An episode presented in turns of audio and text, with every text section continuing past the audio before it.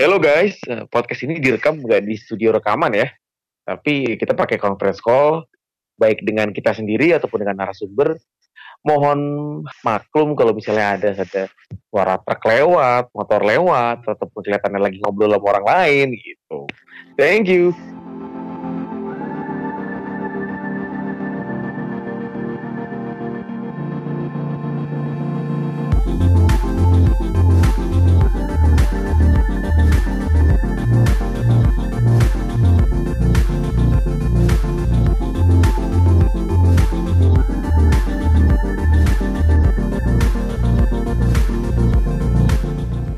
Welcome to Podcast Gawang, episode ke-19. Ternyata kita sudah di pertengahan musim ini, pertengahan musim 2019-2020. Bertepatan juga dengan Boxing Day ya. Jadi game Week 19 ada di ta tanggal 26 Desember, hari Kamis ini. Dan di sini uh, kita usahakan untuk tapping lagi. Uh, di sini ada gue Kang Cis, terus ada juga seperti biasa ada Bang Erik, ada Mbah juga uh, untuk Om Bayu absen lagi karena ada keluarganya yang sakit. Nah, di samping kita bertiga udah ada nih bintang tamu yang tadi sudah dikasih spoiler di Twitter ya. Ada kisi-kisinya. yang gue sulap siapa lagi kalau bukan Master Bets uh, atau eh. yang katanya mau dipanggil dengan MD. Oh siap. Halo MD. Oh, siap. Oke, apa kabar? Alhamdulillah baik. Oke, game week 18-nya sehat? Aman, masih panah hijau. Oke, poin berapa itu? 58 nggak salah. Di game week 18 maksimal tuh. 58 tuh cukup tinggi loh. Karena average-nya cuma 38, 38 kalau nggak salah ya. Iya betul. Kecil, kecil.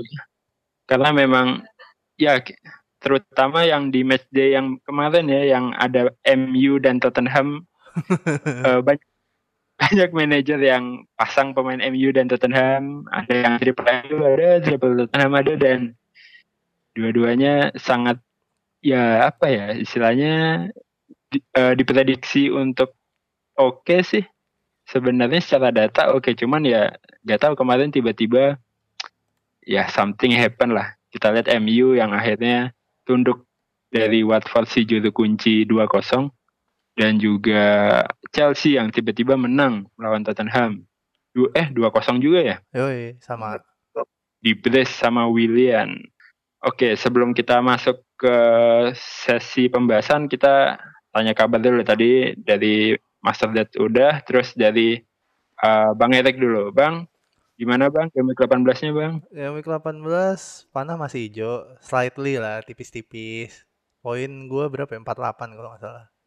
Ya penyesalan, iya, iya poin 48 penyesalannya di bener di laga hari Minggu ya. ada berapa gue? Gue ada empat pemain, semuanya ambiar. Ya masih lumayan lah. Gue juga 48, cuman ada minus 4 sih. Di, di menit akhir itu tuh gue udah ngambil transport menit-menit akhir dia ambil shot tapi ternyata zong soalnya kepemilikannya gede sih jadi agak serem juga. Tapi ya yeah, shit happen and what what win to all nah uh, ya, mungkin kita mau tanya nih ke Mbah FL ini boleh dikasih musik-musik sedih nggak? Asik. Kaget juga ngelihatnya poin Mbah ya. 21 minus 8. Ya kagetnya karena kenapa ya minus 8 juga sih. Maksudnya di saat average-nya kecil dan minus 8. Dan itu kayaknya di, men, uh, di menit-menit akhir ya. Soalnya Mbah juga udah sempat ngepost ya. Udah ngepost min 4. Tapi tiba-tiba di akhir-akhir jadi min 8. Mungkin Mbah bisa cerita dulu Mbah tentang game 18-nya Mbah. Ini rekor mungkin poin paling kecil ya selama satu minus delapan tiga belas. Iya tadi awalnya tuan minus ganti uh, ya terus tiba-tiba setelah itu kok kepikiran kok kayaknya Everton bisa nih kayaknya. Entah kesurupan setan dari mana banyak ada setan mampir atau gitu. Wah mungkin ya Auba kayaknya. Eh ternyata Auba main sama bocah-bocah pak? Wah ini susah cuman sisi positifnya tetap ada ya karena saya percaya Fardi ya sampai akhir musim dia masa nyekor terus kan nggak nggak mungkin ya kayaknya. Bisa 19 match dia nyekor terus kayaknya susah. Terus apalagi Auba sekarang pelatihnya baru terus kayaknya masih punya harapan sih. Kita lihat sekarang Auba juga masih masih di tiga striker teratas kayaknya itu sih Kang sisi positifnya penyesalannya banyak sih. Nah itu aja. Ya ya oke sih mbah ya. kayaknya mbah juga udah siap untuk kapten Auba ya game week depannya mbah. Masih ragu-ragu sih Auba. Oke.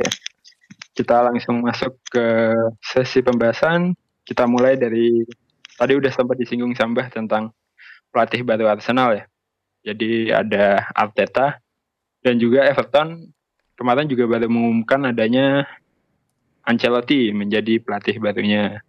Biasanya nih kalau pelatih baru harusnya semangat baru dong. Dan apakah juga menjadi opsi baru untuk FPL, pemain Everton dan Arsenal? Menurut Bang Erik, ini adanya Arteta sama Ancelotti dan pengaruhnya ke FPL gimana nih Bang? Hmm, ya harusnya sih gitu ya. Kayak kata Kang Cis ada pelatih baru, ada semangat baru gitu ya. Biasanya tim-tim uh, mainnya agak-agak bagus lagi itu setelah ganti pelatih. Cuman yang seru adalah uh, Everton Arsenal baru baru ketemu kemarin ya. kosong kosong uh, juga hasilnya. Uh, sayangnya dua pelatih barunya masih duduk manis di tribun tuh ya. Cuman tepuk-tepuk tangan doang. Mungkin mereka lagi mikir sialan ngapain gua ambil nih kerjaan ya. Cuman uh, kalau gue pribadi sih sampai saat ini gue masih di tahap wait and see dulu sih ngelihat dulu uh, at least sampai satu peranding satu dua pertandingan di bawah pelatih baru ya.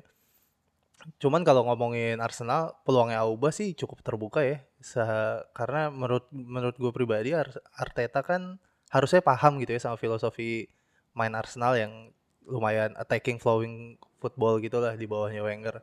Seharusnya sih bisa diterusin ya. Apalagi dia udah belajar lumayan kencang lah ya dua setengah musim jadi asistennya Guardiola di City. Harusnya sih dia bisa sih balikin Arsenal ke filosofinya. Dan kalau emang Arsenal main kayak uh, balik lagi ke kayak dulu seharusnya peluang Oba otomatis jadi meningkat sih menurut gue. Cuman kalau gue pribadi suruh ngambil ntar dulu deh. Masih Fardi kayaknya. Maaf loh mbah.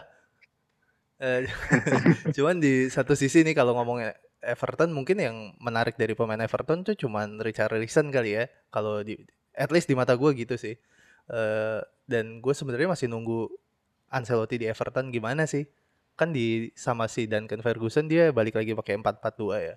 Dan formasi kesenangannya si Ancelotti pun pakai 4-4-2 gitu. Cuman mungkin menurut gue Richarlison bakal dibalikin ke sayap sih ya. Mungkin akan dikasih ke sayap dan free roll dan berdasarkan eye test kayak dari dulu kita selalu gue selalu bilang di podcast ini gue selalu lebih tertarik ngelihat Richarlison main di sayap sih daripada di depan. Walaupun uh, di depan kalau dari segi gol ya banyak nggak dikit juga gitu. Cuman gue tertarik sih ngelihat Richarlison di sayap. Ini kayak Richarlison salah satu apa ya pemain tengah dengan potensi paling gede untuk gantiin Son yang kartu merah ya. Gitu sih paling Oke oke ya. Setuju. Kita wait and see dulu ya karena emang belum kelihatan strateginya. Gimana kita-kita pemain ya apa istilahnya talismannya akan menjadi siapa di bawah pelatih baru? Tapi untuk semangat baru juga ya pastinya semangat sih. Istilahnya mungkin beberapa pertandingan ke depan akan akan menang ya. Cuma tinggal siapa nih opsi FPL-nya untuk Everton dan Arsenal. Ya mungkin tahun baru lah ya. Habis tahun baru kita bisa udah bisa tahu nih kira-kira harus nyikat siapa. Oke. Okay. uh, eh, tadi ngomongin striker mahal si Auba. Kita lompat ke striker murah nih. Sekarang udah nggak nggak murah-murah banget sih. Ada Danny Ings yang kemarin base uh, harganya sekarang udah 6,5 dulu sempat 5,9 uh, Eh, ya, dan itu kok cukup konsisten sih. Ya, walaupun kemarin blank itu juga kayaknya ada dianulir gol atau tiang. Gue lupa tapi bisa juga hampir nyekor lah. Cuman kurang beruntung aja. Dan ya benar aja kemarin away lawan Aston Villa dihajar dua gol. Ah ini untuk manajer yang mau ngambil Ings ini udah telat belum sih di harga 6,5 bensinnya udah akan habis belum? Menurut Om Ded gimana nih Om? Kalau menurut saya ya, sebenarnya Ing ini kan sebenarnya salah satu striker yang uh, cukup tampil baik musim ini. Kalau nggak salah sekarang sudah nomor 5 dengan 99 poin. Kalau kita lihat formnya, sebenarnya ini cukup baik nih dalam dua bulan terakhir ini cukup rajin menkor. Dan kalau kita cek dengan picture-nya, uh, tiga ke depan itu ketemu Aston Villa, eh, Chelsea, kemudian Crystal Palace, kemudian Tottenham Hotspur. Nah, untuk tiga ini masih masih ada peluang lah buat Ings, walaupun mungkin ya satu-satu gol lah. Dan sebenarnya kalau uh, positioningnya atau kalau kita bilang kadang tiba-tiba dapat aja peluang untuk nyetak gol gitu. Nah, seperti kemarin ya dapat kesempatan yang bagus dan harusnya bisa nah, dan masih harganya enam setengah nggak masalah ya lebih murah daripada trio yang terkenal sekarang kan Mardi, Jimenez, kemudian Abraham atau mungkin termasuk Rashford juga. Jadi kalau menurut saya sih masih ada peluang lah untuk tiga XGW ke depan. Oke, berarti untuk next nih lawan Chelsea, kalau prediksinya Om Ded sini akan cetak gol nggak? Uh, tergantung Chelsea-nya sih. Karena Lampard ini kan sebenarnya termasuk salah satu pelatih yang uh, strateginya bagus. Terutama kemarin waktu lawan Spurs itu dia bisa mengadap uh, pelatih lain, pelatih-pelatih lain, dan menciptakan uh, suatu gameplay yang berbeda dari pertandingan ke pertandingan. Nah, sebenarnya saya sempat pernah tulis di tweet juga salah satu kunci Chelsea supaya pertahanannya kuat itu rumusnya Rudiger plus Tomori sama dengan CS. Kalau itu main bisa jadi Ing agak susah juga untuk nembus. Tapi kalau melihat peluang sih sebenarnya ya tetap masih ada. Walaupun yang tadi saya bilang mungkin satu gol bisa curi-curi lah. Mudah-mudahan dapat sih. Dan kita kan juga lihat sebenarnya Chelsea juga musim ini sebenarnya pertahanannya yang nggak begitu begitu tangguh amat. Iya sepakat sepakat. Kalau ditebak nih om uh, kira-kira uh, apa ya striker murah yang akan yang istilahnya kalau Ings kan udah ketahuan nih dari yang dulunya mungkin namanya belum kedengaran sampai di game begini udah banyak yang punya Kira-kira ada nggak Om striker lain yang sekarang ini belum ketahuan tapi menurut Om Ded ini beberapa game ke depan akan akan istilahnya akan cetak gol banyak lah. Kalau untuk yang murah sebenarnya under radar itu sudah sudah kelihatan di uh, mau pay sebenarnya. Cuma ya memang masih kalah konsisten dengan Ing. Kenapa sebenarnya Ing itu sebenarnya kalau kita lihat sejarahnya kan dia sebenarnya pemain striker yang bagus. Cuma kita tuh takutnya ya ini kan uh, rawan cedera lah. Artinya kayak yeah. kaki kakak, ya kan. Ternyata musim ini tuh ya sehat banget dia. Dan uh, ternyata ya sebenarnya kalau saya bilang sebenarnya ini salah satu mojonya buat timnya Kang Is juga nih. Kings kan lo jadi jadi uh, istilahnya punya pemain pedang sword sword player yang bisa saya tak terduga. Orang lain pada mikir uh, ambil Rashford lah Jimenez. Nah, Ings ini yang murah meriah tapi cetakan gitu. Kalau feeling saya sih sebenarnya peluang tuh ada di Maupai ya. Maupai karena uh, permainan Brighton tuh cukup at attacking cuma kalau uh, uh, istilahnya rumah tengahnya Brighton ini nggak perform juga, terutama Gross atau Trossard ya, kan juga peluangnya lebih kecil daripada Ings. Oke, jadi tebakannya mau pae.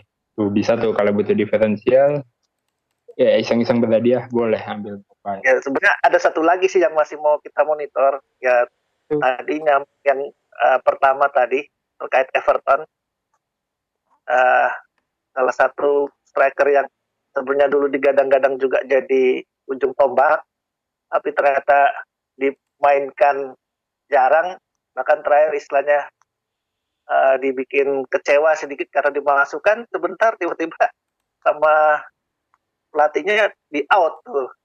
Yaitu si Moiskin nah, apakah Ancelotti akan bisa membuat Moiskin bagus seperti waktu dia di Juventus nah itu ya kita akan lihat tapi ya seperti tadi Ed bilang ya mungkin kita wait and see setelah Januari lah ya Yo, iya sesama Italiano ya. Jadi ada peluang untuk miskin ya. Ya semoga start aja sih. Paling nggak dimulai dari start dulu. Kalau emang udah mulai regular start, uh, peluang itu pasti oke okay untuk miskin. Eh lanjut kita Ya, ke pemain lain. Ada dua pemain yang istilahnya baru fit nih. Ada Aguero dan Pogba. Untuk game week kemarin dua-duanya udah masuk bench ya uh, Aguero uh, sempat dimainin gak sih? Kalau Pogba kan udah sempat nih. Gue lupa Aguero udah Main. apa belum. Main. Main ya, sempat main ya. Oke. dan KDB waktu itu Oh, jadi oke PP sip. Eh, menurut Mbah, dua pemain ini kan ya kita tahu lah track recordnya musim-musim kemarin cukup eksplosif ya. Aguero dan Pogba ini udah udah fit dan mungkin dua eh, ya mungkin bisa game week ini atau game week depan udah bisa start nih antara Aguero dan Pogba. Ini udah eh, udah perlu kita pantau nggak Mbah? Dan kira-kira untuk ngambil dua orang ini di game week berapa? Eh, untuk Aguero dan Pogba ya. Untuk Aguero sih Pep sempat bilang eh, waktu konferensi pers Aguero David cuman untuk main 90 menit kayaknya belum. Pep memberikan kata kunci seperti itu. Jadi kalau Aguero masih eh, dalam eh, dalam taraf pantau sih kalau menurut saya karena selain Aguero juga striker lain yang lebih moncer juga lebih banyak gitu. Ada masih ada Vardy terus Rashford juga eh jadwalnya juga enak terus Jimenez belum lagi Tammy Abraham banyak saingannya kalau Hmm. untuk Pogba mungkin menarik ya karena kemarin Son kartu merah. Terus kita juga eh, pengen cari penggantinya yang umpamanya diferensial lah. Kalau kita udah punya Mane salah ya biasa lah ya. Eh, mungkin Pogba bisa jadi satu apa ya satu pemain yang bisa memberikan harapan sih seharusnya buat MU ya. Karena kalau kita lihat kemarin pas lawan Watford ketika Pogba masuk itu serangan MU lebih oke ya terlihat dia sering memberikan umpan satu dua dengan Martial ataupun dengan uh, Luxiao atau Rashford. Menarik sih Pogba ini. Kalau misalnya Ole sehat dan dia otaknya main dia pasti mainin Pogba sih waktu lawan Newcastle besok. Menarik untuk Pogba kalau menurut saya. Kalau oleh sehat ya Mbah.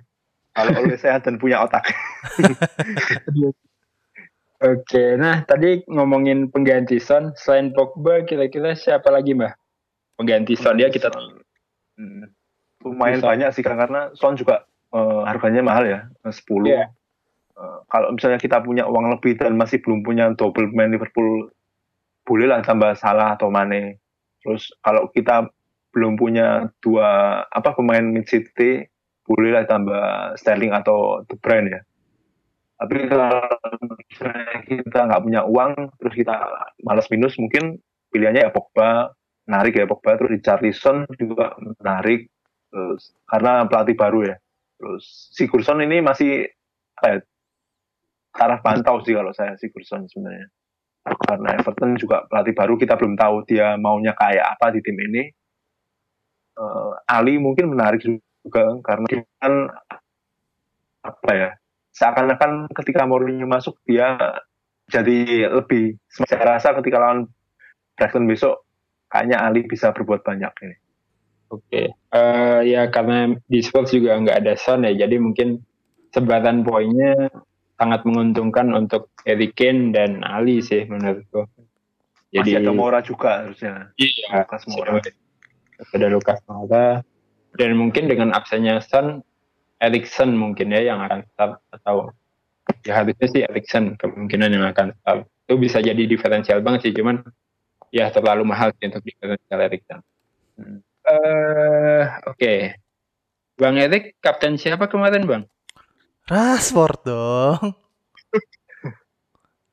Ada.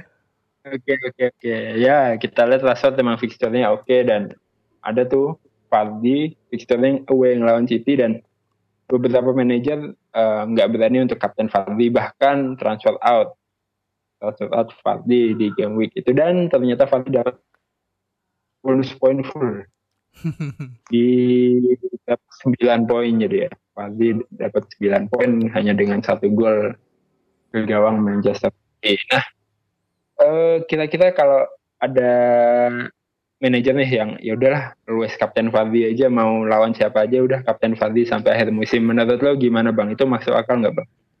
Masuk akal lah, masuk akal banget. Uh, Fardi yang yang selama ini kita tahu kan dia selalu apa ya uh, selalu gacor gitu ya kalau lawan tim gede. Dia big time, big game player gitu.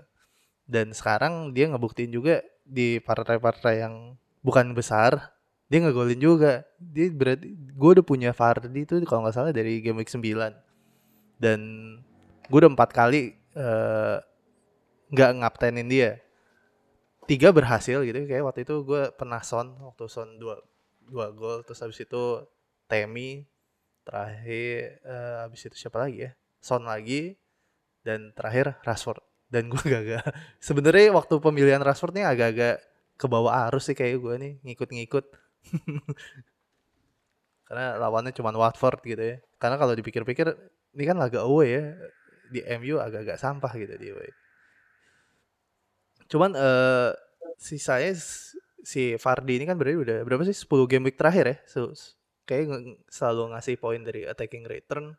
Besok bakal lawan Liverpool dan kalau gue punya dia dan lo eh, kalau punya Fardi dan gak punya pilihan lain untuk dikaptenin sih pede aja sih kaptenin Fardi karena lawan Liverpool ya dia bisa lah kayak satu-satu gol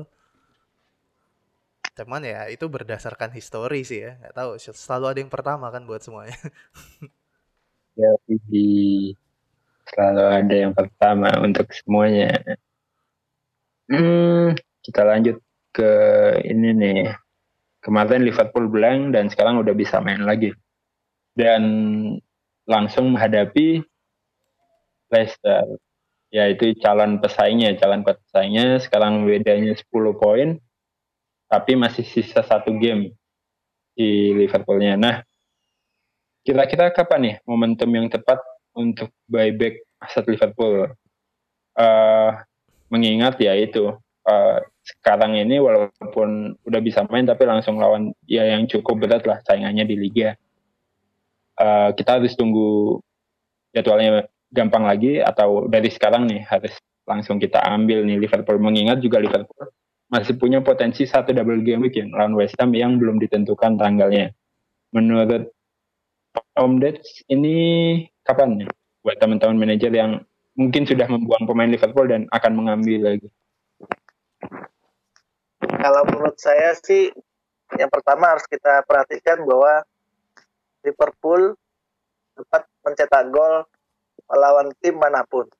Itu jangan, jangan lupa, walaupun dan mereka sekarang adalah tim terbaik yang baru saja menjuarai Piala Dunia antar klub.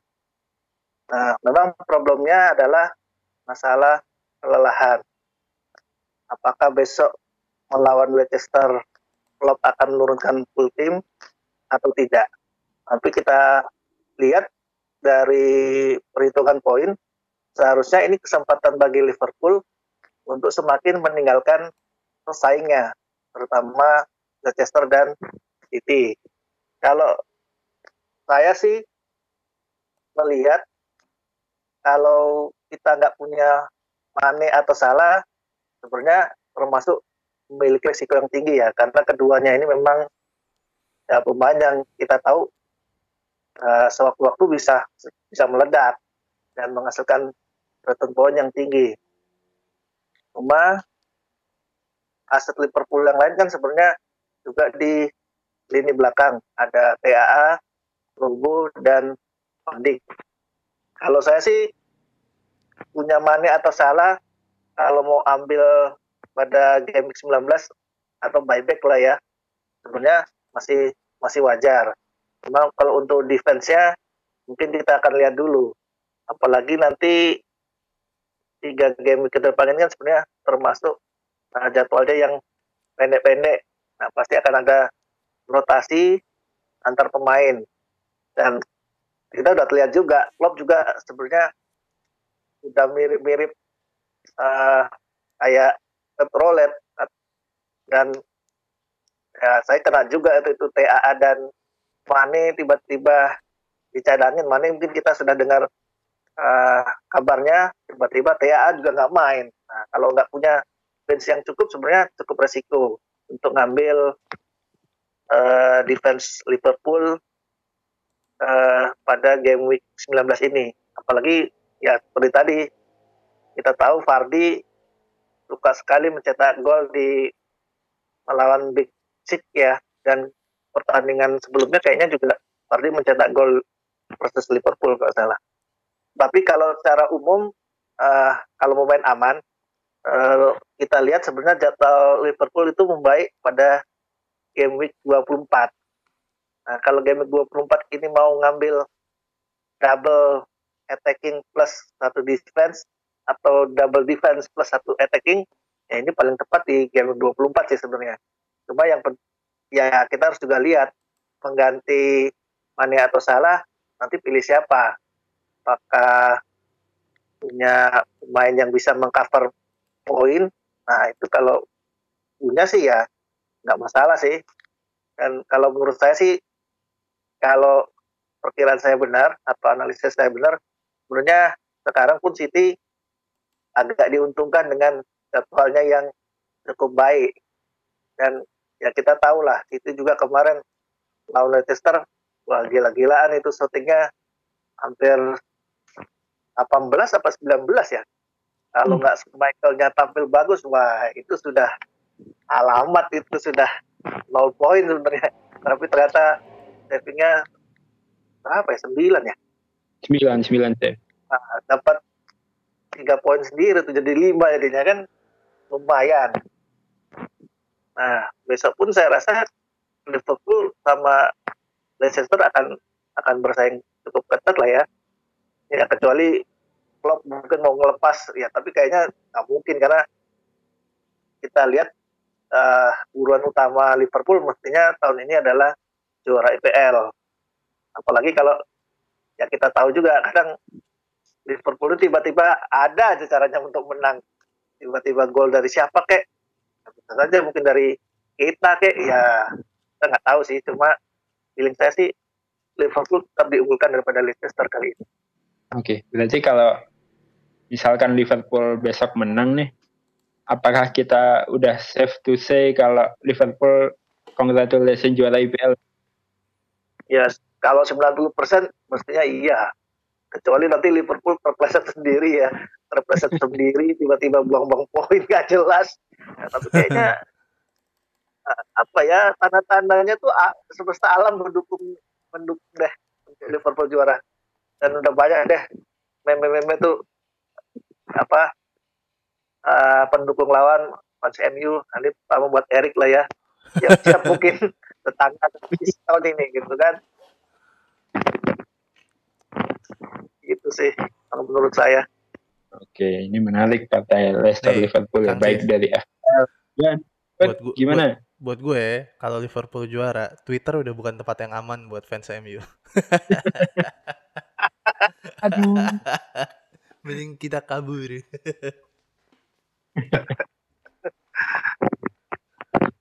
aduh ya iya sih itu akan jadi apa ya fans Liverpool akan keluar semua tuh di Twitter. Eh, dan fans MU ya mungkin kayak uh, F, mungkin akun FPL Ranger juga jadi jarang nge-tweet ya. Jadi harap maklum aja. Musim depan harap maklum. Ganti nama dia kan. Anjir, ganti nama. Oke, menarik ini ya. Tadi Leicester Liverpool ini pertandingan yang menarik baik dari segi FPL ya, karena asetnya juga banyak dan juga dari Premier League-nya itu sendiri karena ini peringkat satu dan dua ya. Ini menentukan banget. Kalau kita Leicester bisa mencuri poin di sini sih ya masih ada harapan ya walaupun, walaupun tetap jauh. Tapi kalau emang kita-kita Liverpool menang secara matematika udah selisih 13 poin dan Liverpool masih nyimpan satu game itu jauh banget deh. Jadi bonus kita tahu Liverpool emang ya kadang-kadang ada aja caranya untuk menang dan ada deh caranya untuk kepleset. Kita lihat aja besok gimana. Ngomongin prediksi pertandingan, ah kita juga selain memprediksi Leicester Liverpool tadi udah dari Om Deds, kita coba prediksi nih MU lawan Newcastle. Terutama ini Rashford ya, Rashford lawan Newcastle ini masih bisa dipercaya nggak? Ngelihat kemarin nggak nggak berdaya, benar-benar apa ya touch ya touchnya Rashford juga sedikit banget di kandangnya Watford di Vicarage Road. Ini lawan Newcastle ya kita tahu Newcastle kalau main away itu uh, garis pertahanannya cukup dalam ya. Hmm. Di musim ini itu sempat Tottenham lawan Newcastle itu banyak yang kapten Ken dan akhirnya kecewa karena Newcastle menang 1-0 kalau nggak salah ya. Gimana hmm. nih uh, peluangnya Rashford lawan Newcastle nih, Bang Erik? Peluang sih selalu tetap besar lah. cuman ya. kan, cuman kan kenyataannya nggak sel selalu nggak berbanding lurus ya sama peluangnya. Gue percaya sama Rashford sih, gue cuman nggak percaya sama Solskjaer ya. Kayak bodoh banget tuh. Cuman uh, kalau ngutip kata Mbah tadi, waktu lawan Watford tuh setelah Pogba dan Mata main kurang lebih 10 menit terakhir ya mainnya sedikit mendingan lah sedikit kayak ada progresnya. Emang mm, gue masih nggak ngerti sih kenapa Lingard terus yang dikasih starter ya. Mung walaupun mungkin Mata emang bener nggak bisa main 90 menit tapi ya pemain United yang punya kreativitas jadi nomor 10 siapa lagi gitu. Kalau kalau gue sih bakal pasang si Mata aja sih bahkan daripada Lingard mending Pereira aja. Mungkin kalau kayak Lingard bakal banyak kepake kalau lo lawan tim Big Six ya untuk pressing defender musuh. Cuman e, balik lagi soal Rashford ini lagi-lagi nih berdasarkan statistik dan sejarahnya ya. Kalau main di home sih harusnya MU selalu nyekor itu udah pasti ya walaupun kemarin bukan dia ya. Cuman ya ngomong-ngomongin peluang ya peluangnya tetap ada sih apalagi kalau Pogba atau Mata bisa starter uh, salah satu yang menarik ada just kayak tadi Mbah mention justru Pogba sih. Uh, Pogba nih musim lalu semenjak dari pekan 18 setelah kalah lawan Pool dan Mourinho dipecat, Pogba langsung menggila tuh musim lalu tuh. Gua rasa kayak kalau nggak salah ada 7 atau 8 game week dia nyekor Kayak Mbah juga sempat punya tuh. Gue juga punya sih waktu itu walaupun agak telat. Cuman cuman waktu itu kan hmm, awal musimnya Ole ya, Ole masih bulan madu lah. Kalau sekarang ya berpeluang tetap Kang Cis. Tenang aja lo, menang nanti MU. ya. menang, menang, menang. Tapi kaptenin Ali gue. Ah, oke, oke. Eh, nambahin dong sedikit. Ya, silakan, silakan. kalau Pogba main, kira-kira yang ngambil penalti Pogba apa Rashford ya? Kan uh. selama ini kita tahu Waduh. Rashford ini kan agak diuntungkan sebagai penalti taker. Hmm. Tapi sebenarnya kan nomor satu tuh musim lalu. Hmm. Dan kalau kita compare tadi yang Erik bilang season lalu Pogba pada game week 19 uh, saat mau dipecat Pogba hmm. jadi moncer kan sebenarnya ada bedanya. Bedanya waktu itu Pogba sehat nggak kayak sekarang habis cedera panjang nih. Artinya hmm. kan menurut saya sih ya biasanya dalam baru tampil itu nggak bisa akan maksimal tiba-tiba moncer. Coba kalau dapat penalti ya nggak tahu nih. Bisa aja Pogba yang nendang nih supaya ya nyenang-nyenengin dulu gitu biar dapat dapat poin. Kalau kayak gitu kan ya siap-siap aja yang punya paspor harapin penalti dari penalti ya nggak dapat jadinya dah. gue rasa sih mungkin akan dibalikin ke Kalau iya itu bingung juga ya. Gue rasa dibalikin ke Pogba sih. Buat ngangkat mental mungkin. Cuman ya emang bener musim lalu sama musim sekarang jauh berbeda lah ya. Waktu itu Oli masih jadi masih diagung-agungkan di awal musimnya. di awal pengangkatan ya sampai ditetap ya sampai dia jadi diangkat karyawan tetap baru deh. Belaga gila sekarang. Cuman cuman yang menarik kan kalau soal Ole gini. Di awal musim kita gua pribadi pun berpikir dia yang dipecat duluan pasti Ole ternyata enggak. Dia semacam Darth Vader kali ya mati-mati ya.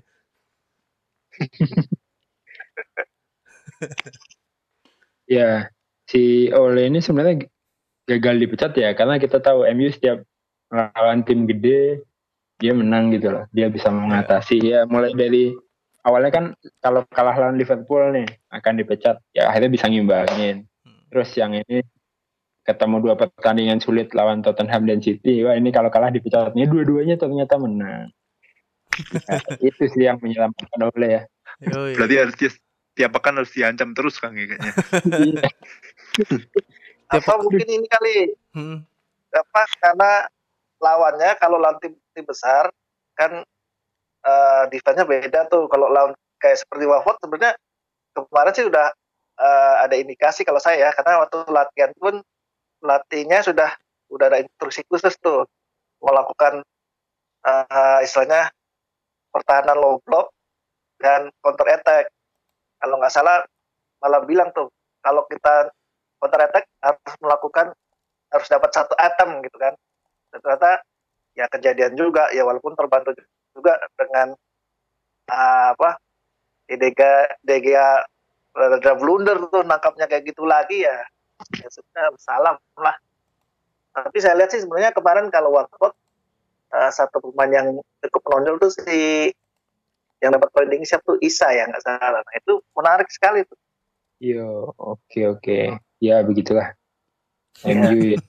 Nah, Lu, lu males gitu sih Kang Cis? Iya gimana? Jadwalnya jadwalnya ke depannya hijau-hijau loh. King of Berarti kan England kan artinya... Twenty fucking time loh. Bodoh amat. Boleh kayak fans Liverpool ini. Iya, udah mulai agak dikit. Ngangkat-ngangkat sejarah ya. Oke. Yalah, kita ke tetangga sebelah aja nih. Manchester City ini melawan Wolves ya. Di musim ini udah ngelawan Wolves kan. Di musim ini udah ngelawan Wolves di game week berapa gue lupa. Di kamar. Game week 8 ya. Di Etihad. Dan kalah. Kalah lawan Wolves ini apakah gimana ya? Wolves ini kryptonite-nya Man City enggak sih? Dia dalam artian ini apalagi di kandang Wolves ini apakah akan menjadi partai yang sangat sulit nih untuk City, Mbak? Uh, kalau menurut saya sih tetap City bakal ambil inisial serangan ya. Dan saya rasa Wolves di kandang sendiri ketika lawan tim-tim besar nggak terlalu oke okay musim ini.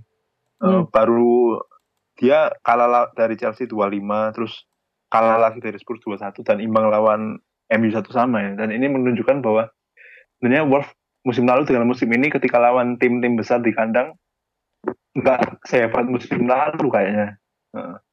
Mungkin pengaruh dari apa ya faktor pemainnya selalu sama itu juga mungkin pengaruh. Tapi untuk laga besok ketika lawan City kayaknya tetap City bakal ambil poin sih Kang. Karena kita lihat Aguero David kayaknya ya meskipun nggak bisa main 90 menit tapi paling nggak dengan hadirnya Aguero di bangku cadangan dan masuk di babak kedua akan akan memberikan dampak sih.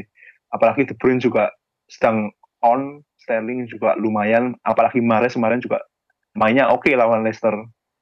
Itu sih. Dan kembalinya Mendy juga sedikit banyak berpengaruh sih di untuk membantu lini serang City ya. Saya rasa City tetap bakal ambil poin di sini lah. Tiga poin lah.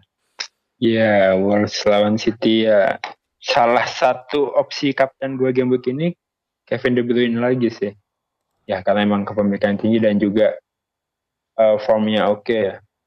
Kemarin sempat 19 poin walaupun kemarin lawan Leicester cuma satu assist dan kartu kuning cuma 4 poin tapi istilahnya masih konsisten untuk ngasih poin. Jadi pede sih. Uh, untuk KDB juga harusnya sih aman dari rotasi ya untuk hmm. untuk squad yang sekarang beberapa masih cedera dan seorang KDB KDB coy masa nggak dimainin. Ini salah satu opsi kapten. Walaupun partai sulit mungkin menang tipis ya. Mungkin City bisa menang tipis atau mungkin imbang imbang dengan gol yang ya mungkin dua sama. Itu berpeluang banget. Karena Wolves juga kita tahu sekarang posisinya udah di papan ya papan uh, menengah ke atas. Udah kayak Sheffield. Jadi ini cukup ketat juga pertandingannya uh, recommended mungkin kalau buat yang mau streaming juga ya atau nonton di Mola di Wolves lawan Manchester City Oke, kita lanjut ke pertanyaan utama nih. Pertanyaan utama untuk game week ini. Kenapa pertanyaan utama? Karena ya ini momen momen ya setahun sekali ya. Adanya Boxing Day bertepatan di game week 19 musim ini. Menurut Om Deds nih, gimana nih efeknya Boxing Day ke FPL di musim ini? Uh, kira-kira akan akan banyak rotasi kah atau sebenarnya rotasi di Boxing Day itu cuma mitos. Nah, kalau misalkan emang akan rotasi, kira-kira siapa nih pemain pemain-pemain yang kira-kira uh, aman dari rotasi dan juga mungkin pemain-pemain yang akan rentan kena rotasi. Waktu dan tempat dipersilakan Om. Waduh, ini bahasnya kalau klub per klub banyak ini. Gak apa-apa, Yang baru kita catat dulu ya sebelumnya Boxing Day ini uh, pertandingan terakhir adalah Wolves versus City. Tapi habis itu langsung nyambung game week ke 20 malamnya. Sudah main tuh empat partai. Brighton lawan Bournemouth, Newcastle lawan Everton, Tottenham lawan Crystal Palace, dan Watford ketemu Aston Villa. Uh, kalau kita tanya tadi yang mana pemain-pemain yang uh, aman dari rotasi atau pertanyaan pertama ada rotasi apa enggak? Saya rasa pasti ada rotasi karena kita akan lihat nggak mungkin orang pemain itu akan bermain dalam uh, katakanlah satu minggu tiga empat kali pertandingan tentu nggak mungkin akan menguras menguras stamina. Artinya pasti akan ada rotasi rotasi. Nah cuma pemain mana yang dirotasi ya paling itu yang menjadi pertanyaan dan paling sulit kan. Yang jelas kalau kita tahu paling aman tentu pasti posisi paling belakang tuh. Penjaga gawang ini paling aman nih. Nah, penjaga gawang yang mana yang yang dalam katakanlah tiga game week sampai 21 karena mepet-mepet yang berpeluang memberikan poin terbesar. Sebenarnya di Twitter udah pernah kita buat juga sih rekomendasi penjaga gawang yang kira-kira untuk tiga game itu punya poin bagus. Walaupun kita tahu sebenarnya musim ini poin penjaga gawang itu rata-rata air, artinya ada yang terlalu dominan sekali dan uh, yang cukup menarik adalah musim ini penjaga gawang empat setengah itu poinnya pada pada nangkring di atas nih ada Indo ada Ramsdale, kemudian Ryan dan Nick Pop yang cukup bagus. Sementara untuk poin kiper yang uh, berkisar lima setengah itu ada Guita dan tentu aja si Michael ya. Tapi kalau Michael ini anggaplah kita nggak terlalu lirik karena defense Leicester itu sangat kuat. Saya rasa nomor berikutnya ada ada Dubravka nih dari Newcastle yang kemarin pun cukup tampil bagus dan dapat 8 poin. Kemudian kalau untuk back, nah ini paling aman saya lihat sih sebenarnya backnya Sheffield ya. Kenapa? Karena di sistem pertahanan mereka ini ada lima pemain kunci yang jarang sekali diganti ya, yaitu Egan terus ada O'Connell Basam kemudian wingbacknya yang sangat menarik yaitu Baldock dan Seven plus tambah satu ya sebenarnya uh, jam musim ini Lord Lundstram. Kemudian kalau kita lihat lagi yang sangat aman tentu adalah backnya Leicester. Empat back ini kayaknya cukup kuatan di belakang dan nggak pernah diganti-ganti. Pereira ada di tengah itu Soyuncu dan Evan dan back kirinya Chilwell. Kalau yang lain sebenarnya nah, nah ini yang menarik malah sebenarnya back MU ini aman berotasi. Cuma menurut saya sih kita nggak akan melirik back MU ya. Karena mungkin penampilannya masih bapuk don. Dan udah udah kita bilang wah kita MU salah nih beli Maguire. Kemahalan kenapa nggak beli balik aja Evans? Dan punya mungkin kayak gitu juga kali wah dulu udah dijual kita ambil lagi kan gitu. Mungkin ya. Kemudian yang aman lagi sebenarnya ini mungkin back sejuta obat uh, di Crystal Palace ya. Crystal Palace ini backnya sebenarnya rotasi sih. Cuma karena backnya ini pada banyak cedera itu posisi yang paling aman itu kalau untuk back itu si Kelly. Kelly nih Kelly bisa main lah. Tapi ya kita lihat nanti seperti apa karena harusnya sih ada si Saku bisa balik balik dari ini ya dari bandnya ya. Karena udah nggak larangan tandingnya mungkin sudah berakhir nanti harus cek lagi. Kemudian kalau back lagi ya kalau back yang ecek-ecek ini sebenarnya ya nggak rawan nggak diganti sih cuma pasti nggak menarik. Kalau saya sih punya feeling sebenarnya tadi mau nyambung Everton sebenarnya back yang agak menarik kita lihat itu ada dua sebenarnya Digne sama Holgate. Nah kenapa Digne sama Holgate itu menarik? Kalau Digne kita sudah tahu lah dia punya kemampuan crossing crossing yang cukup baik. Nah yang under-under itu sebenarnya Holgate. Karena Holgate itu beberapa kali dipasang agak posisinya lebih ke depan. Bahkan terakhir itu malah kemarin main sampai maju sekali tuh masuk ke dalam kotak penalti. Cuma ya pemain harga segini 4,4 kalau nggak salah ya seperti kata Mbah ada ada rupa ada harga kita jangan terlalu berharap banyak dan Colgate ini sebenarnya saya punya catatan ini troll musim lalu yang pernah saya beli dan tidak menghasilkan apa pun. Jadi kayaknya tarik tapi ya harus ada resiko lah. Kalau lini tengah pasti kita udah tahu nih yang aman-aman pasti paling nggak nama-nama besar ya kalau kita sebut mungkin talisman lah ya talisman. Kalau menurut saya yang paling aman untuk lini tengah sebenarnya rilis dari West Ham. Eh dari West Ham dari Villa. Kenapa? Yeah. karena ya kayaknya apa pun walau permainan Villa lewat dia kan. Kalau yang menarik juga mestinya kalau jadwal ya pasti Spur ya. Apalagi kemarin masih kalah dan uh, besok ketemu Brighton kemudian lanjut home dan terakhir ketemu Soton sebenarnya Ali harusnya ya bisa dapat poin lah. Masa mau buang-buang poin terus kan?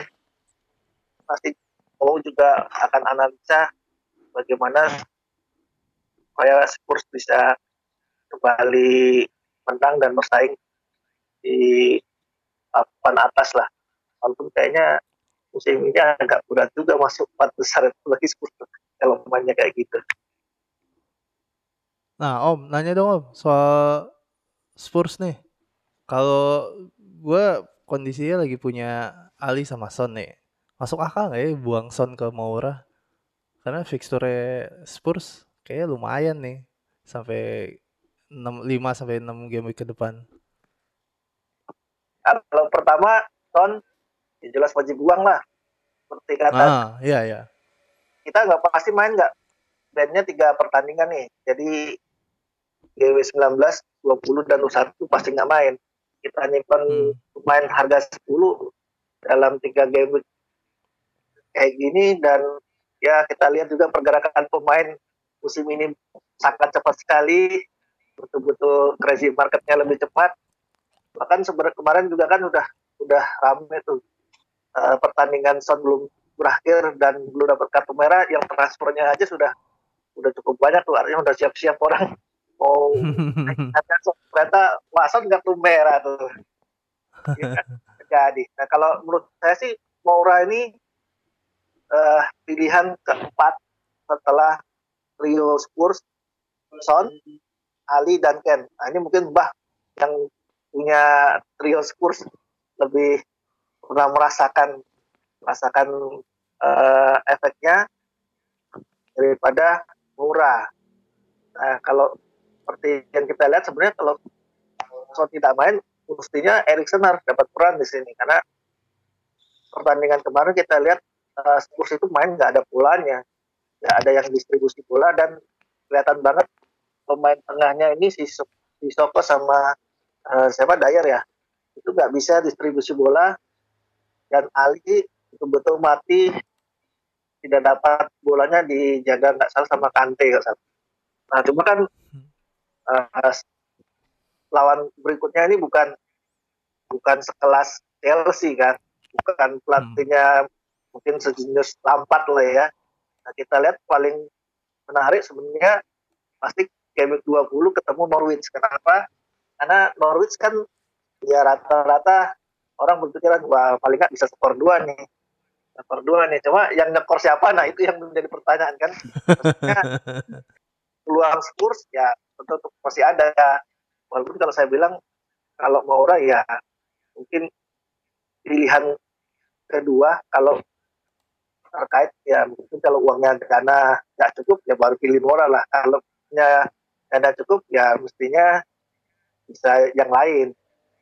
Nah sebenarnya untuk sekelas uh, harga Moura pun kita banyak banyak pilihan yang cukup menarik untuk lini tengah. Ini bisa kita lihat mungkin ya tapi sudah banyak yang pakai mungkin Madison. Kemudian ada eh apa ini? Eh, yang lagi naik daun mungkin Richarlison juga. Dan sebenarnya kalau eh, si Pep ini mau memaksimalkan peran Mahrez. Artinya Mahrez ini pemain yang bagus sebenarnya untuk poin. Cuma ya kita tahu juga resiko Mahrez ya ya itu tadi resiko rotasi sebenarnya. Dan kemarin pun Mahrez main sebenarnya kita lihat kalau jadi KDB posisinya kembali ke tengah. Yoi. dan ya walaupun KDB posisi di mana pun tetap tetap berbahaya sih karena saya udah pernah bilang sebenarnya kalau eh, KDB ini akan jadi rajanya asis musim ini. Dan tahun ini harga KDB adalah harga yang paling murah daripada tahun sebelumnya ya. Mungkin karena efek cedera tahun lalu FL baik hati nih kasih harga di diskon sedikit kan. Diskon sedikit sih diskonnya banyak nih.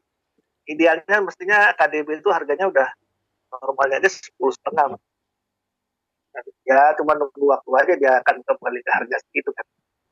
Nah yang menarik sebenarnya daripada Moura kalau melihat permainan kemarin itu kita lihat juga Mason Mount kemarin tuh menjadi ya seperti Mount yang kita harapkan bukan Mount yang terakhir-terakhir sebelumnya ini. Wah nggak menghasilkan apa-apa. Cuma Chelsea itu uh, kelemahannya sih banyak buang-buang peluang.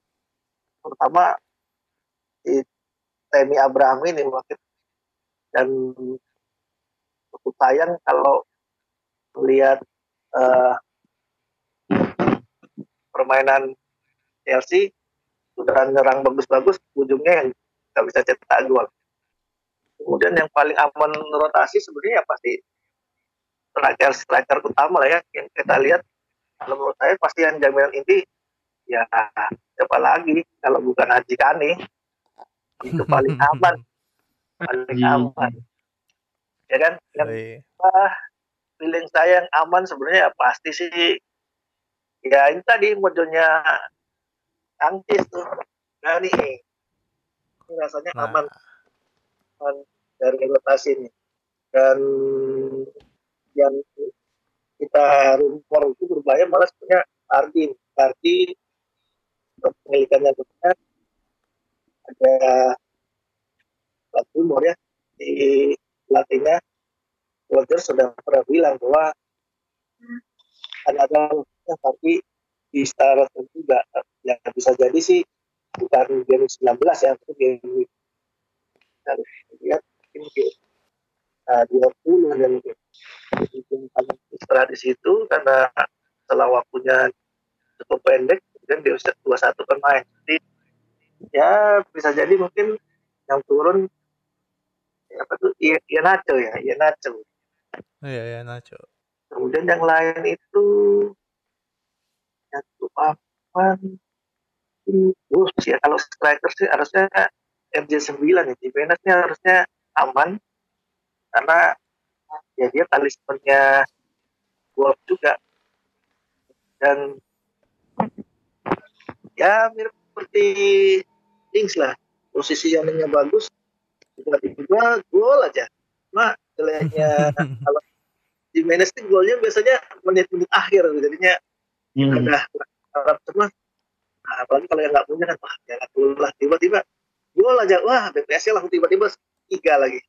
Kan gitu tuh saya rasa sih itu sih yang paling aman kalau yang lain mungkin rawan rotasi terutama kalau di tim-tim kecil itu banyak banyak rotasi ya kita nggak terlalu banyak hidup lah Cuma ada yang Iya. ngapain? Oke, kalau Boxing Day sebenarnya bukan nambah sih, cuma kayak eh eh, sudah waktunya kalau di Boxing Day ini untuk memperhatikan bangku cadangan ya. Karena ketika kita mungkin nggak bisa menebak siapa yang nggak bisa menebak belum bisa belum bisa menebak 100% dengan tepat siapa yang kira-kira akan main dan siapa yang akan dicadangkan. Dan ketika dicadangkan pun masih ada dua opsi, apakah dia akan main di babak kedua atau emang nggak main sama sekali. Jadi yang apa ya ikhtiar yang bisa kita lakukan sih ya nyiapin bench sih. Kalau bisa di game week ini, kalau bisa ya eh, benchnya tuh nggak mati lah istilahnya minimal dua dua poin ya kayak mungkin pemain kayak Hayden dan Dongar atau siapa ya disiapkan lah di bangku cadangan. Siapa tahu pemain utama yang kita pasang nggak main sama sekali nih. Ya apa ya istilahnya petuah Boxing Day yang template setiap musim sih itu ya siapin cadangannya karena ya kita nggak bisa menebak siapa yang akan main dan siapa yang tidak main.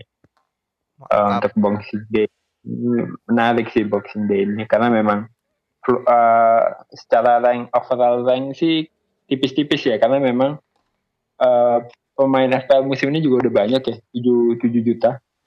Jadi secara overall rank bisa swing banget ketika memang poinnya lagi bagus banget itu bisa naik. Seijo-ijonya itu bisa naik banget dan ketika memang blunder atau memang kurang hoki juga bisa turun banget.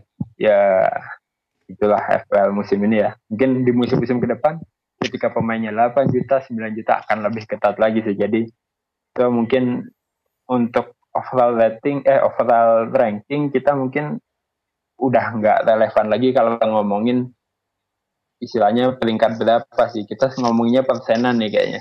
Mau top berapa persen apakah top satu persen top setengah persen? Ya karena memang jumlahnya semakin banyak. Mungkin di dua tiga musim lalu untuk dapat top untuk dapat top 100k itu gampang. Tapi di musim ini karena memang jumlah pemainnya lebih banyak top 100k itu udah cukup udah cukup itu sih. Udah cukup sulit ya. Dan udah prestasi banget kalau emang mencapai top 100k di kondisi pemain yang kayak sekarang. Menurutku sih gitu eh Lo mau nambahin itu dong.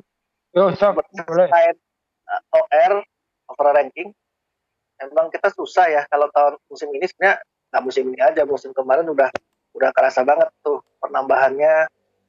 Tiap tahun itu nggak salah nambahnya hampir sejutaan ya dan Iya. akun ya. Dan dulu kita pernah bahas juga dengan Antis Indonesia berapa tuh akunnya tuh ya kan ya karena juga gitu. Walaupun kalau kita lihat sebenarnya yang aktif ya nggak sebanyak 100% juga kan. Banyak Hmm. akun-akun. Ya ada zombie ada yang memang ternak akun. Nah sebenarnya saya udah pernah bilang sebenarnya, yang disebut ya mungkin eh, kayak gelar catur ya grandmaster atau master itu sebenarnya bukan yang eh, orang yang misalnya tiba-tiba bagus kemudian eh, rankingnya jauh. Tapi sebenarnya orang yang rankingnya tetap nah kalau dalam sekian waktu tertentu. Nah kalau sekarang ranking itu agak susah karena jumlah pesertanya banyak memang yang paling bagus adalah menggunakan persentase atau sebenarnya indikator lain sebenarnya dari persentase adalah poinnya sendiri. Jadi Hmm. poinnya berapa poin nih? 2000 poin kah? apa 2500 karena itu kan poinnya relatif ya konstan lah. Kan udah pernah dulu juga kita bahas berapa sih poin yang ideal untuk masuk jalur juara dunia EPL ya itu kalau salah ya minimal 2500 itu akan bisa masuk uh, persaingan juara satu atau tiga besar lah. Jadi memang sekarang nggak nggak nggak pas lagi kalau kita ngomong wah saya top 1 m. Karena satu poin aja selisihnya mungkin bisa 200 200 ribu atau mungkin lebih kalau nggak Ya. Nggak mau kita lihat kan sebenarnya eh, apa istilahnya belum main pun kalau sudah eh, kayak Dewi yang kemarin itu karena Liverpool nggak main itu banyak orang yang melakukan hit. Jadi kita butuh harus sudah naik gitu ya harusnya sudah naik. Ya ternyata itu tadi karena sangat mepet gapnya minus sedikit saja akan menjadi menjadi apa namanya membuat rating pun langsung tiba-tiba terpotong jauh. Apalagi ya kalau kayak Mbah ini sudah minus 8 poinnya kecil lagi. Ya. Bobo lagi mbak. Cuma saya bilang ya apa sih kayak gitu? Kenapa? Kayak gitu. Ya paling nggak punya bahan cerita kan buat akhir tahun. Wah kami ini seasonnya ada kesannya nih 21 poin dapat poin bersih 13 walaupun sebenarnya 21 poin itu masih bagus. Karena saya pernah main dulu satu liga itu saking apesnya tuh poinnya cuma 13 coba 13 tuh itu bers, bukan bersih itu 13 belum minusnya karena ya pemainnya rata-rata satu poin satu poin semua gitu satu poin satu poin. Dan biasanya kayak gitu tuh paling riskan adalah ya saat begini nih saat eh, boxing day atau bukannya bukan bukan boxing day ya kita lebih sebut festival eh, fes- apa festi- festival event. Artinya karena mepet waktunya akan mungkin banyak rotasi. Nah kalau pemain kita nggak siap tadi cadangannya sudah nggak punya cadangan tiba-tiba terus nggak main terus mainnya juga jelek ya ya tadi itu kemungkinan dapat poin yang under under eh 15 poin atau artinya tiap satu pemain satu aja ya mungkin saja terjadi sih. Tuh Mbak, dengerin mbak. kalau empat sudah ya sudah, sudah berat kenapa karena sudah main aja sudah 10 orang sebenarnya Enggak, kemarin itu kan memang Eh, tar dulu mbak, tar dulu mbak. Dipersilakan dulu mbak memberi bantahan. Eh, Enggak. gini. Bah, bah, bentar. Eh, mungkin sekalian gue rangkai sama sebuah pertanyaan aja. Jadi Mbah eh, nanti eh, mungkin sebelum menanggapi tadi statement dari Om Ded, aku kasih pertanyaan juga Mbah.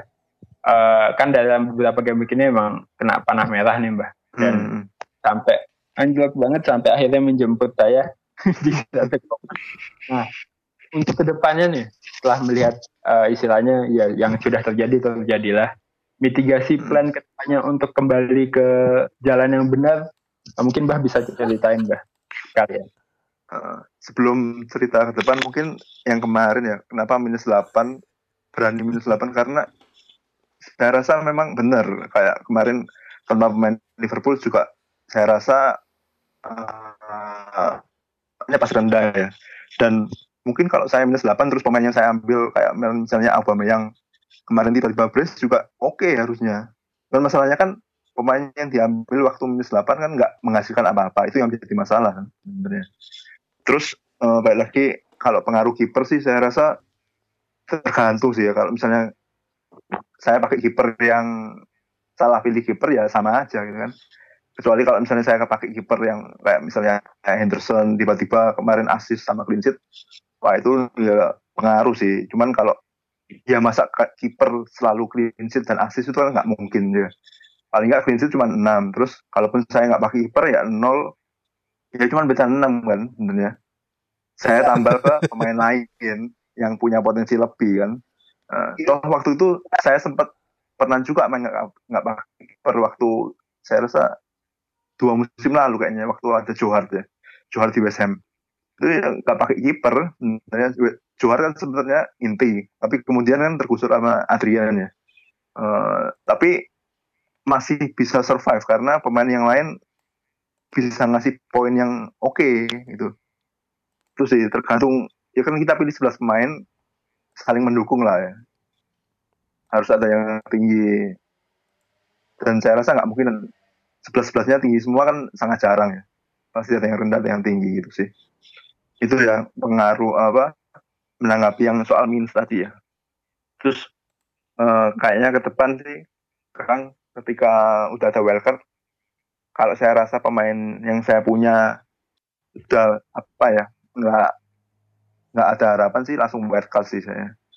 Langsung wildcard eh, ambil kembali pemain Liverpool sama City karena mungkin salah satu kesalahan terbesar saya waktu itu membuang pemain City ya. Sterling dibuang gantinya pemain malah berantem malah nggak nggak jadi apa-apa.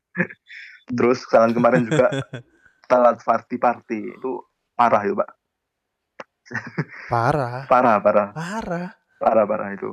Satu gara-gara 10 satu game pemain. week, apa? Ya, se- hampir 10 game week kan dia nyekor mulu Vardy. Ah, sampai ah, sekarang. keras itu itu sih cuman untuk ke depan kayaknya saya tetap nggak ambil Vardy kayaknya ambil Wih. pemain lain karena saya merasa oke lah Vardy sekarang udah 16 gol ya cuman saya memprediksi misalnya Vardy kira-kira nanti akhir, akhir musim berapa gol misalnya Eh, kira-kira ya ang- anggaplah 23 berarti sisa 7 gol kan eh, 7 Hmm. gol dalam 19 laga saya rasa itu buruk sih saya mending cari pemain lain yang Betul. punya potensi lebih. Yang kemarin pemainnya mengecewakan ya. Sabar, Mbak. Sabar. Itu sih. Pingin wildcard secepatnya sih kan. Untuk ngejar ranking dan masalah nanti ada double game week ya menyesuaikan lah ketika kita udah di saya rasa wildcard oke tiba-tiba posisi udah ngangkat ya tinggal cari strategi baru lah. Oke, mantap sekali Mbak. Eh, aku kok ma- masalah gawangnya Simba dong. Oh iya, Bah ini kan kayaknya tanpa kiper tuh nggak cuma satu game week ya. Kalau nggak salah Iya iya. eh, tiga, tiga game. Eh, kalau menurut saya sebenarnya ya sudah ditulis juga di Twitter sih sebenarnya kenapa nggak mau ganti kiper sebenarnya karena masih ada keperluan di sisi lain Hmm. dan harapannya poin pemain lain akan menutupi nutupin poin ketiadaan kiper. Cuma nggak nggak kepikiran gini nggak daripada kalau kalau satu game week saya rasa tanpa kiper nggak masalah. Cuma kalau sudah tiga game week itu sebenarnya agak rugi rugi poin juga ya. Karena kita katakanlah minus nih minus minus empat di satu game week. Tapi game weeknya lain ada peluang dapat dua kan sebenarnya nextnya punya kiper. Apalagi kalau saya lihat kipernya Simba ini bakal nggak main lama nih karena kan Pak Roberto ya nggak salah Roberto sama Jimenez, Jimenez. bukan kan kan Roberto gimana sedangkannya siapa But- Buton ya eh siapa? Iya iya itu. Ya, badan. kalau saya sih sebenarnya lebih mending ngambil kiper satu minus empat tapi besoknya bisa dapat CS kalau jangka panjang ya karena kalau satu game week tanpa kiper sih nggak masalah tapi kalau sudah sampai tiga game week sebenarnya cukup cukup riskan. Apalagi tadi gamenya kan poinnya tipis-tipis. Ya kecuali memang tiap awal memang mau jemput kantis tadi kan gitu kan. Kalau itu ya ya lain lain soal sih. Dan sebenarnya teori party itu sebenarnya teori yang sama waktu Uki, ya kan? Saya ingat Uki di awal-awal itu konser terus, terus muncul hashtag no, party, eh no Uki no party. Nah, sama nih, bahkan juga pasti bilang gitu, Uki kira-kira berapa nih? Emang sih Uki drop habis itu. Cuma Uki kan nggak sama dengan party. Nah, I- ya iya sih nggak sama eh, resikonya melawan tim eh, pemain yang memiliki PSB tinggi atau kepemilikan besar ya kalau pemain yang kita kita punya nggak bisa menyamain dia ya ya tadi itu bisa dibabat kan dibabat dengan OR-nya kan gitu rankingnya lah. Walaupun pasti harapan kita ya ya, ya tadi ya nggak mungkin lah Party netball terus. Cuma ternyata kalau kita melihat trennya Fardi musim ini ya kalau dia pun jadi top skor saya rasa ya masuk akal aja. Apalagi mainnya Leicester musim ini ya beda jauh lah daripada musim lalu ya kan Iyalah. Kuliah subuh nih namanya, Mbak. Kuliah subuh. Ya, eh, gimana Mbak? Mau mau ditanggupin lagi apa cukup Mbak? nggak cuma menjawab sampai mau kapan nggak pakai kiper mungkin saat wildcard itu gua mungkin pakai kiper masih masih ditahan lagi. Ya, ya tinggal dua game week lagi kan? Iya apa-apa, Mbak. Dan sekarang-. Eh, kabarnya kan eh, siapa Martin ya Ricky Martin sama Fabianski kan iya lagi nggak berapa fit terus kayaknya Roberto Hmm. yang eh, main antara game week 29 atau 30 eh 29 30 19 atau 20 Jadi masih ada harapan ya Mbak? Roberto Jimenez. ya paling dua poin lah Lumayan. Lumayan. Gak apa-apa, ini seru karena Mbah nanti pas eh, udah dapat wildcard langsung mode perang nih pasti. Oke, langsung Pilihan pemainnya ane- pilihan pemainnya aneh-aneh nih pasti nih. Gue seneng nih yang begini. Lingard karena karena Kan logikanya kan kalau kalau lagi ngejar lo ng- nggak bisa pakai pemain yang biasa aja kan yang template gitu. Hmm. Karena nilainya akan gitu-gitu aja. Lo harus ada satu dua tiga pemain yang agak-agak pembeda gitu. Menarik menarik mbah. I- iya nih. Kayaknya nanti habis Mbah Wildcard gue ditinggal lagi nih. enggak lah Pak Erik Iya. yang nyusul kita nanti Woi jangan mbah, mbah. Jangan sembarangan ah. cuman ini menariknya FPL ya karena tiap manajer pasti Hmm. punya pemikiran sendiri punya apa sendiri itu kan itu menariknya sih dari FPL dan setiap argumen kita ya nggak ada benar nggak ada salah gitu Ya, tergantung selera masing-masing juga ya. ya daripada kita Iya. uh, selalu menuruti apa kata orang kan lebih baik kita punya argumen sendiri-sendiri kan Hmm. salah satu tujuan kita Sepakat. main FPL sebenarnya Walaupun Ngapain hmm, ya enaknya FPL itu kalau gini nih diskusi yang beda pemikiran kalau pemikiran sama ya nggak seru tiba-tiba semua mainnya bahas itu doang kan dan dan apa misalnya saya udah bikin juga kan salah satu eh menariknya FPL itu kalau unpredictable. Artinya kan iya. kalau terlalu predictable pasti pemainnya template semua. Kalau sudah template-nya terlalu Oh, kuat ya nggak menarik nih. Pemainnya itu semua party semua lalu semua ya kan? Kalah semua. Kalau beda kan ya tadi ada ada SD yang apa sebenarnya kejutan kan ya seperti yang kemarin sebenarnya kita berharap uh, MU menang skor paling enggak yang cetak gol tiba-tiba berbeda dan ya ambiar kan nah, ada cerita buat akhir musim kesalahan pertama adalah mengharapkan MU menang. Itu udah kesalahan pertama kayaknya. Cuma dia sih eh, kayak gue nih ngambil Danny Ings nih beneran 100% ngintip squadnya Ka- Kang Cis nih udah. Dua game week nge- ngegolin mulu satu satu sialan nih bocah ya. Sikat aja bodoh. Makasih Kang Cis. Aduh.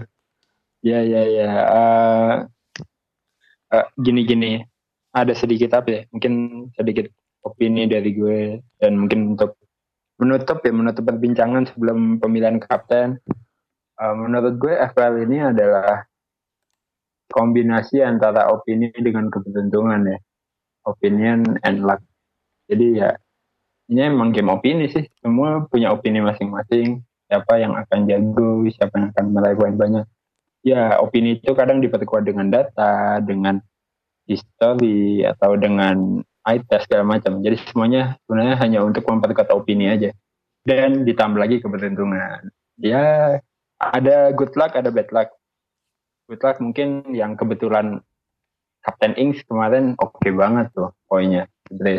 Dan bad luck ya kita lihat yang Captain Son juga nggak sedikit ya Captain Son minus dua. Lumayan, lumayan. lumayan. Hmm. Makanya sebenarnya kan nggak ada yang menyangka yang misalnya bisa memikir ah Son game week ini dapat kartu merah ya, nggak ada gitu nggak ada pak ya, itu sesuatu yang nggak bisa kita perkirakan dia walaupun ada peluang secara secara statistik ya mungkin mungkin katakanlah oh Son ada peluang dua persen untuk dapat kartu merah di match kemarin. Dia ya tapi itu sangat kecil banget. Jadi istilahnya kombinasikan antara opini kita dan berharap keberuntungan itu datang. Ya itulah. Di situlah kita bisa mendapatkan ranking FPL yang memuaskan lah. Aku nggak bilang kita tapi istilahnya memuaskan untuk untuk manajer masing-masing. Di sini istilahnya kan manajer berekspektasi mendapatkan poin sekian dan akhirnya itu bisa melebihi ekspektasinya poinnya atau malah di bawah ekspektasinya.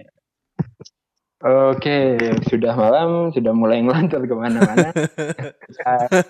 Kita bahas kapten aja nih untuk game week 19. Uh, dari Bang Erik silakan Bang kira-kira game week 19 siapa nih pemain-pemain yang layak menjadi kapten. Asik. Biasanya gue selalu milih kapten yang dari pemain yang gue nggak punya ya. Cuman kayaknya kali ini nggak kepikiran. Yang di kepala cuma ada Ali sih. Nggak ada Nyason gue rasa uh, dan kemungkinan mainnya Erikson harusnya sih memperbesar peluang Ali sih. Untuk besok ngegolin. Ya brace lah boleh lah. Brace sama satu assist lah ya. Oke kapten lucu lah ya nggak mbak sip. Tuh kan mbak udah mengamini. Ali Ali Ali kapten gue Mbak sudah mengamini. Oke mbak kalau mbak siapa mbak sampai sekarang masih di Harry Kane ya. Cuman nggak tahu nanti sampai akhir mendekat deadline belum tahu. Kayaknya Harry Kane atau Ali. Mungkin kalau berani Richardson sih. Richard. Harry Kane menarik juga sih lawan Brighton. Nah, Om Des, kapten untuk game week 19 siapa Om kira-kira yang layak? Kapten umum apa kaptennya tim saya? Ya, dua-duanya boleh. Timnya orang lain juga boleh. boleh. Kalau kalau lihat jadwal mestinya mayoritas akan menjauhkan ya nggak beda-beda jauh pasti salah Mane atau Fardi. Kemudian uh, ini ada uh, saya lihat ini harusnya City juga bisa peluang jadi kapten ya. Kalau kalau dia mainnya seperti kemarin. Cuma ya itu kapten kapten istilahnya kapten standar lah ya. Kalau kayak Erik kan tadi akan yang ya mungkin orang nggak semua punya lah ya kalau saya sih pingin jagoin kayak kalau nggak saya sih harusnya Grilis kan punya peluang lawan Norwich ya. Jack Grilis ya Jack Grilis ya. Gue udah punya sih Jack Grilis kemarin. Wih gila. Dan nge bener Kang Cis. Oh, bener. Kemarin ngegolin ya. gue mau nyikat dia udah empat kartu kuning soalnya. Sialan nih. Gak usah dilihat kartu kuningnya kalau aja. kan udah ngengek kan nanti. Kalau kena kartu kuning sekarang kan udah besok udah hilang tuh. Ya kan? 19 lewat. Iya iya. Udah itu ya udah lewat setengah musim ya? Oh iya bener. Sikat. Ya udah. Sikat. Sikat gini betul betul betul betul betul betul. Kalau kemarin ya ada kekhawatiran itu sih. Ya tapi kan tadi yang Kartis bilang ya sebenarnya opini juga belum tentu dia dapat kartu kuning kan Iya. Yeah. dan itu terbukti juga di FPL zamannya siapa dulu Chelsea Costa. ah, Iya, Costa. ingat banget. Nah, mau kartu nggak dapat dapat malah cetakan mulu lagi dan dan, dan bagus ternyata gara-gara dia mungkin dia mainnya mungkin efektif kali ya jadi ya, kita nggak dapat kartu lah gitu kan jadi kalau Villa sih kenapa saya jagoin Julius karena ya Villa sama Norwich kan sebenarnya udah ketemu lama tuh di eh, Championship ya. Rem- championship. Kemudian Villa juga papan bawah kan ya paling nggak pasti perlu poin lah. Cuma masalahnya tinggal realitanya besok gimana ya, ya tadi. Tergantung luck dan ya kita tahu lah faktor-faktor FPL lain lah. Apalagi paling krusial kan musim ini par tuh par Hmm. Sedikit par ya kalau pas parnya bagus ya seneng kalau parnya pas yang yang nggak menguntungkan ya ya bisa Nih. Jangan-jangan ada persekongkolan klinik nih ya antara Far sama Fardi. Gimana, Mbah? Entahlah. Paksa terus. ada dua yang menarik kan apa yang paling diuntungkan apa Liverpool kan Liverpool. Dan yang akhirnya eh, di itu lah, sekarang masih wasit tidak langsung terhadap suatu keputusan yang kayak tadi dengan tiba-tiba keluar. Jadi ada wasit lain yang keempat tuh yang di atas. Apalagi kan kita lihat sebenarnya kadang eh, hasil VAR itu kan kadang debatable kan apalagi yang offset tuh. Uh, bedanya cuma Hmm. cuma apa sikut dikit gimana ya, ya tapi ya, ya itulah. Itulah yang terjadi dan dulu pernah saya juga share kan sebenarnya tiap PL itu tiap tahun ada jadi suka kan bukan sesuatu yang nggak bisa kita prediksi ya salah satunya ya VAR ini. Oke, alright. Kalau balik lagi ya ke opsi kapten tadi, kalau gue sih ada dua match yang secara jadwal menarik nih. Ada MU versus Newcastle, sorry, tapi itu menarik banget secara jadwal ya. Ya, ini di luar bagaimana performanya MU nanti. Dan satu lagi ada Chelsea lawan Southampton. Di sini melihat Chelsea yang kemarin udah sempat bangkit, eh, seharusnya sih bisa mempertahankan formnya ya. Ya dua nama yang banyak kepemilikannya jelas ada Rashford dan Tammy Abraham ya. Dua pemain itu istilahnya kalau jadi kapten di game week ini oke sih. Dengan catatan ya minimal main dulu deh. Terutama Tammy Abraham. Karena eh, dengan jadwal yang padat ya kita tahu penggantinya Tammy Abraham juga nggak jelek-jelek banget ya. Ada Michi Batshuayi. Dan itu berpeluang juga berpeluang banget untuk main di sela-sela eh apa ya Desember Festival ini Big Festival tapi di game week berapa Batshuayi akan start ya kita juga nggak tahu. Tapi kalau andaikan kita sudah tahu nih kalau Tammy Abraham akan start besok lawan Soton gue langsung ambil dan kapten sih.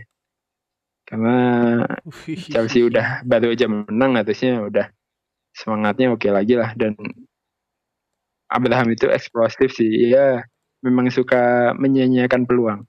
Berarti kan artinya sebenarnya peluang dia banyak Benar sekali. kalau banyak menyanyiakan Iya, iya, peluang, iya. peluang dia banyak dong ketika dia masuk semua ya kayak awal-awal itu bisa hat trick lah bisa Asik. press segala macam dan harganya sekarang lagi lagi turun-turunnya nih lagi istilahnya kemarin kan 8 terus Chelsea-nya lagi jelek kemudian sekarang udah 7,9 itu oke banget sih mungkin untuk yang sudah tidak percaya Rashford balik ke TMI itu duitnya lumayan loh satu koma ya kalau kalau opsi kapten dari aku sih Rashford dan Temi dua itu. Yes. Eh, tadi mungkin ini sih terakhir ada satu pertanyaan tadi di Twitter. Ya kita persilakan untuk Om untuk jawab nih sebagai guest star pekan ini. Apa Mbah tadi siapa aja? Oh, Pilih tiga pemain. Antara tiga pemain ada Target, Pereira, sama, Oh, lupa. Bentar-bentar ya. Jam 12 malam Ah, suruh mungkin ini pertanyaan kedua dulu pertanyaan kedua. Eh, kalau kita punya aset Arsenal kira-kira masih menarik nggak sih aset uh, aset Arsenal? Kalau kita lihat kan pelatihnya baru gitu. Apakah masih menarik untuk diambil? Mana Om Ded? Oh, halo, gimana? Nah ini Om, kalau kita lihat kan pelatih Arsenal baru. Arteta. Nah, kira-kira aset Arsenal masih menarik nggak sih untuk diambil dari sisi FPL? Kalau aku sih ya, Arsenal Arteta jelas tahu tentang Arsenal. Cuma ya kalau lihat uh, komposisinya pemain Arsenal, sebenarnya kalau secara pribadi nggak nggak begitu menarik ya musim ini karena ya selain mainnya kurang bagus, uh, yang kemarin pun juga sebenarnya komposisi pemainnya juga nggak terlalu banyak kalau untuk jadi aset FPL ya. Kalau ini depan, ini sekarang tinggal Auba doang nih bisa kita lihat poinnya tinggi. Maka udah nggak kayak seperti musim lalu apa dua migran dua migran Auba Laka kalau sekarang kelihatannya Auba lebih dominan cuma Auba dengan harga 10,8 10,9 jelas ya ada pilihan seperti yang saya bilang tadi ada Par Pardi, Abraham, Jimenez, lebih lebih lebih istilahnya bisa mengcover dan dananya bisa kita pindahkan ke tempat lain. Kemudian aset Arsenal yang harusnya nanti Arteta bisa bagikan hasilnya PP ya karena pembeliannya cukup mahal. Dan sebenarnya PP di uh, season sebelumnya waktu di Prancis sebenarnya uh, cukup bagus mestinya. Cuma itu pindah Arsenal Armstrong kayak gitu. Ya walaupun sekali tempat tempat dapat poin lah. Tapi secara umum kan nggak kelihatan seperti pemilihan pemain bagus. Nah saya sebenarnya malah kalau Arsenal tangan Arteta yang cukup uh, harus menjadi pemain kunci harusnya pemain belakang nih si Luis nih David Luis cuma terakhir kan mainnya juga sudah jarang-jarang. Cuma terakhir kemarin dimainkan lawan Everton ya cukup bagus juga sih. Dan dapat BPS 3 nggak salah 9 poin ya. Cuma kalau lihat jadwal Arsenal nanti ketemu Chelsea ketemu MU juga ya kayaknya mereka ngambil pemain bertahan Arsenal ya saya rasa bukan pilihan lebih baik karena ya, kita lihat juga pembubaran Arsenal masih masih cukup kering juga kan. Atau malah sebenarnya Leno ya Leno Leno kalau itu sebenarnya ya bukan karena Leno Leno ya bagus ya karena karena disering diserang maka banyak save nya sebenarnya. Kalau kita lihat defense ya tetap aja kalau kita bilang kayak MU ya bagus bagus juga sih ya. Arsenal mungkin malah sepaket kayaknya kalau defense-nya itu sih kalau saya sih dari Arsenal paling cuma Auba kalau kalau mau diandalkan Auba dari tiga nama tadi Auba kita, kita lihat juga lain Gimana mbak? Pertanyaan satu lagi mbak udah ketemu belum? Satu lagi udah udah udah udah ketemu ya. Uh, suruh milih om ini dari tiga nama siapa yang kira-kira lebih oke okay ketika dipasang starter ada target uh, Pereira sama satu lagi Mason Mount. Ya sebenarnya paling sebenarnya pertanyaan nggak sulit ya. Kalau posisinya aja udah beda. ya kalau nggak sulit dibikin sulit dulu om biar lebih gimana. Nah, saya tuh kemarin tidak mau saya jawab itu di Twitter ya. Sebenarnya pilihan utama adalah Mon. Kalau dari tiga pilihan itu Mon. Kenapa?